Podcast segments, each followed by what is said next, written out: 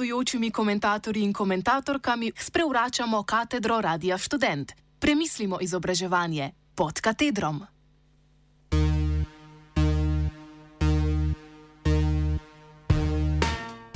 Psihološki zakon in družbeni red.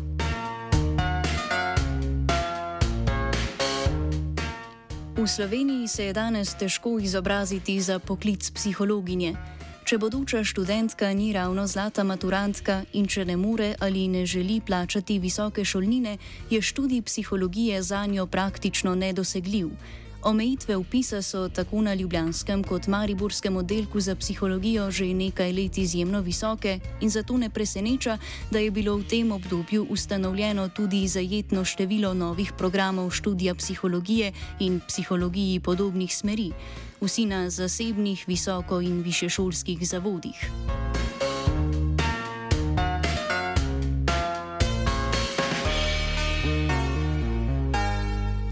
Tako je bilo na dveh zasebnih fakultetah, Ljubljanski podružnici Avstrijske univerze Zigmunda Freuda in fakulteti Doba, za upis v tekočem študijskem letu na programu psihologije razpisanih več upisnih mest kot na obeh javnih zavodih, ki prav tako izvajata študij psihologije skupaj. Univerza Zigmunda Freuda je razpisala 50 upisnih mest, Doba pa 150. Za primerjavo, Mariborska in Ljubljanska filozofska fakulteta sta skupaj razpisali 95 upisnih mest.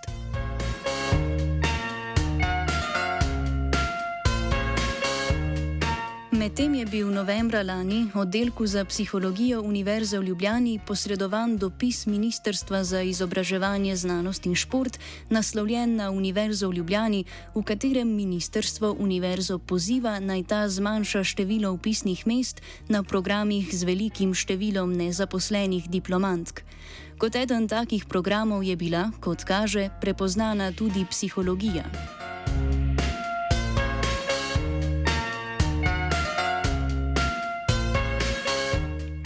Študij psihologije se s tem privatizira, postaja vse manj dostopen in dosegljiv le zelo zamejenemu delu bodočih študentk. Nadaljevanje počasnega pretakanja upisnih mest za študij psihologije iz javnih v zasebne zavode pa posledično verjetno ne bo imelo le povečevanje deleža upisnih mest na zasebnih programih, pač pa tudi vse težjo dostopnost in hkratno finančno slabitev programov na javnih zavodih.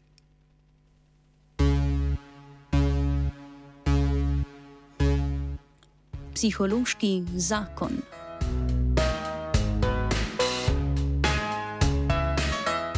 Društvo psihologov Slovenije, največje strokovno združenje psihologin pri nas, kot eno poglavitnih težav psihološkega ceha razume po njihovem ohlapno in le delno zakonsko regulacijo psihološkega poklica.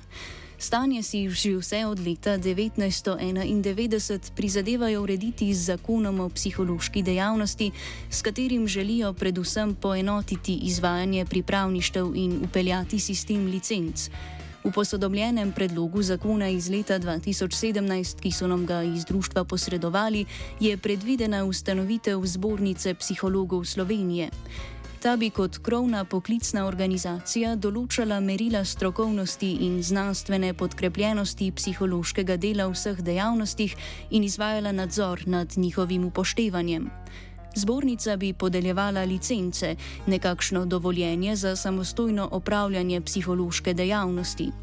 Kot pogoj za pridobitev licence bo zahtevan naziv magistrice psihologije, zaključeno enoletno pripravništvo in opravljen strokovni izpit.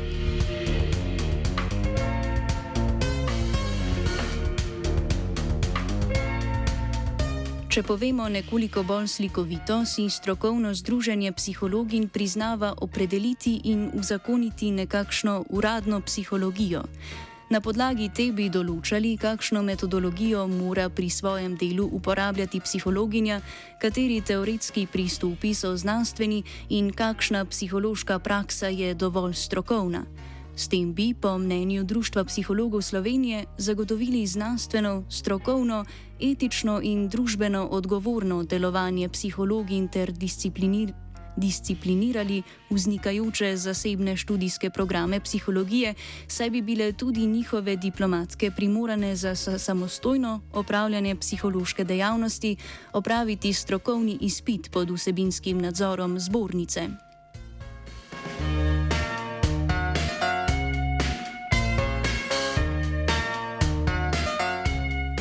Z Društvom psihologov Slovenije delimo prepričanje, da je duševno zdravje resna stvar.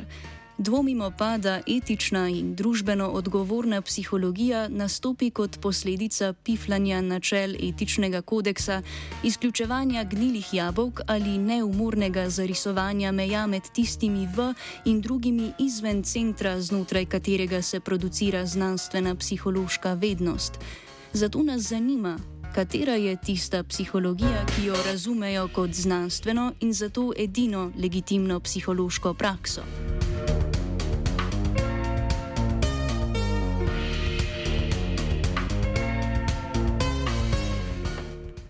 Družbeni red.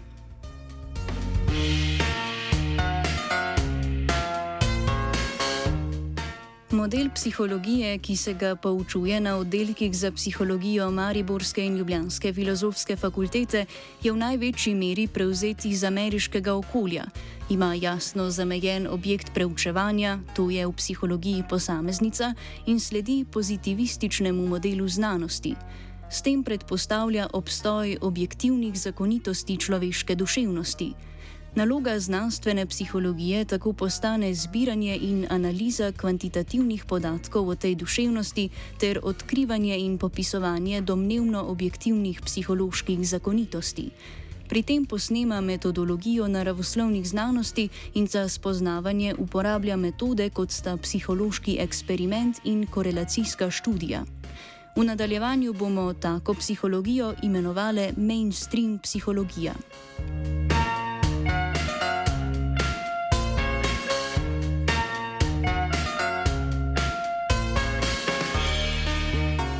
Za mainstream psihologijo je bolj kot teoretska sklenjenost značilen so obstoj raznolikih, včasih nepovezanih in neredko med sebojno izključujočih se teorij, med katerimi velja soglasje o skupni metodologiji.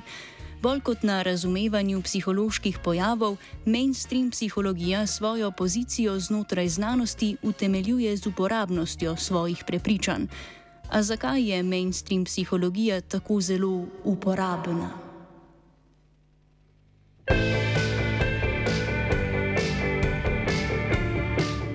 Odgovor se skriva v njeni produktivnosti ali drugače v zagotovilu, da bo zanesljivo, učinkovito in na znanstven način izmerila psihološko kvaliteto posameznic in razlike med njimi. Ta produktivnost se nam jasno pokaže, če si pobližje ogledamo katerega od psiholoških konceptov. Za primer vzemimo enega najbolj široko uporabljenih, to je petfaktorskih model osebnosti. Kot nam pove že samo ime, v primeru petfaktorskega modela osebnost posameznice določimo kot njeno pozicijo na petih dimenzijah. Te so oblikovane kot kontinuumi med dvema skrajnostima: introvertiranosti in ekstravertiranosti, neuroticizma in čustvene stabilnosti, visoke in nizke sprejemljivosti, visoke in nizke vestnosti ter visoke in nizke odprtosti.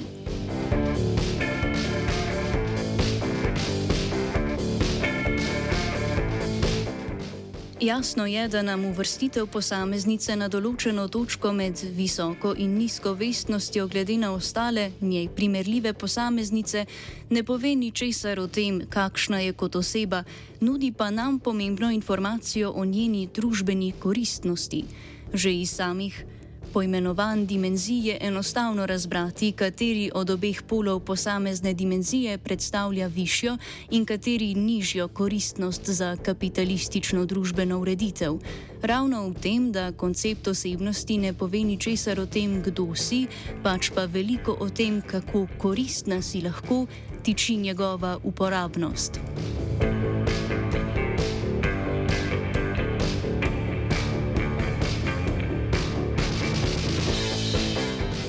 Ko vam na razgovoru za službo kadrovska psihologinja pod nos pomoli vprašalnik osebnosti, je ne zanima, kakšna je vaša osebnost ali kdo ste. Merski pripomoček, s katerim bi bilo mogoče dejansko ugotoviti edinstvenost osebnosti vsake posameznice, bi bil, če tudi bi obstajal, neuporaben. Tisto, kar psihologinjo na zaposlitvenem intervjuju zanima, je, ali ste zmožne prepoznati, kakšno vedenje se v družbenem delovnem kontekstu od vas pričakuje in ali ste se tem pričakovanjem pripravljene prostovoljno podrediti. Največjo koristnost bodo pri tem izkazale kandidatke, ki bodo ta pričakovanja ponotranile do mere, da jih bodo same spontano prepoznale kot del lastne osebnosti.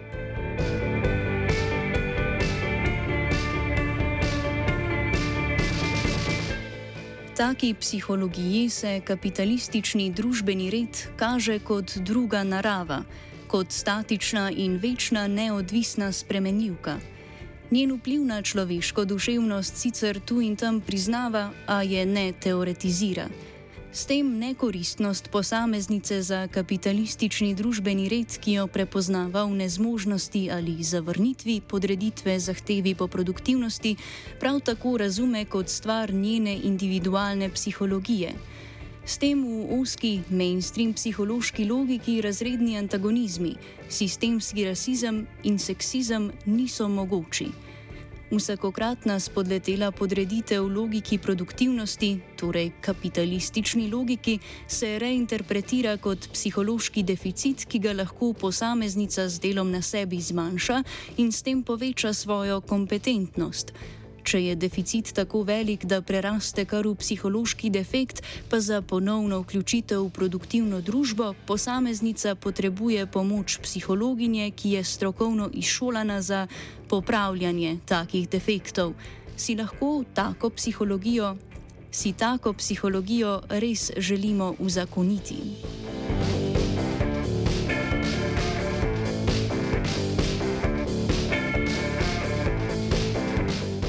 Čeprav se mainstream psihologija predvsem njenim nosilkam kaže kot univerzalna, še zdaleč ni edini zamisljivi model oblikovanja spoznano človeški psihi.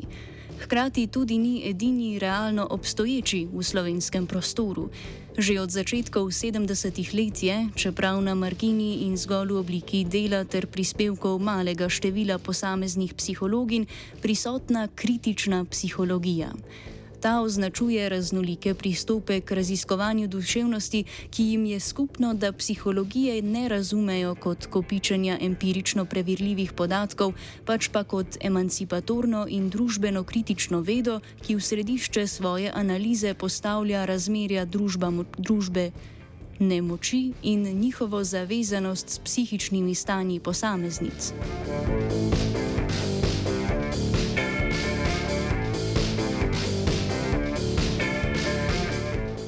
V slovenskem prostoru se tako prisotne kritično-teoretske refleksije, psihološke epistemiologije, poskusi upeljave kvalitativnih metod in diskurzivne analize v psihološko raziskovanje ter zgodovina zametkov gibanj za deinstitucionalizacijo in zagotavljanje skupne skupnosti psihosocialne skrbi in oskrbe. V zadnjih letih deluje tudi samo organiziran bralni krožek kritične psihologije, ki študentkam omogoča spoznavanje s kritično psihološko literaturo, ki je iz formalnega študija sistematično izpuščena. Prav tako pa predstavlja pomembno skupnost mladih kritičnih psihologin. Del te skupnosti ustvarja tudi oddajo Psihoteka na Radiu Student.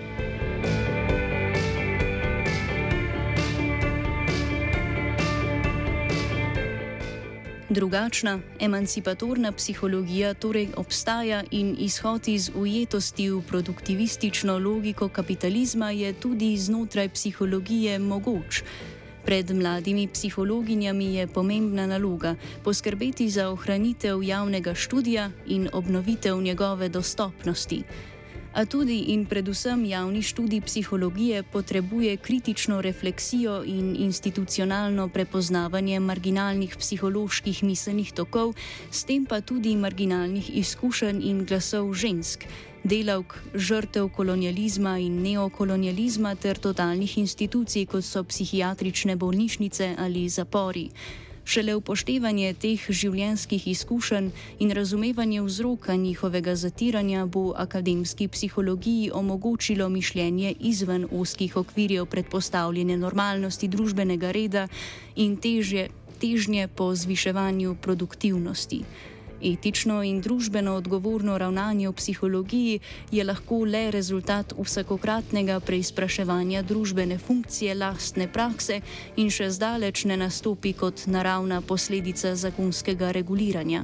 Odgovornost študentk je zahtevati vključevanje kritike mainstream psihologije v naše izobraževanje.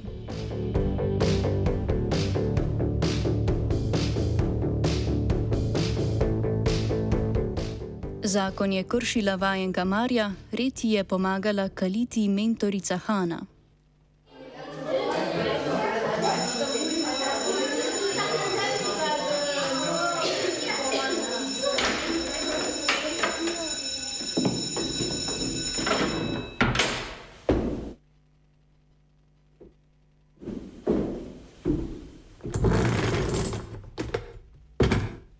Gostujočimi komentatorji in komentatorkami sprevračamo katedro Radia Student. Premislimo izobraževanje pod katedrom.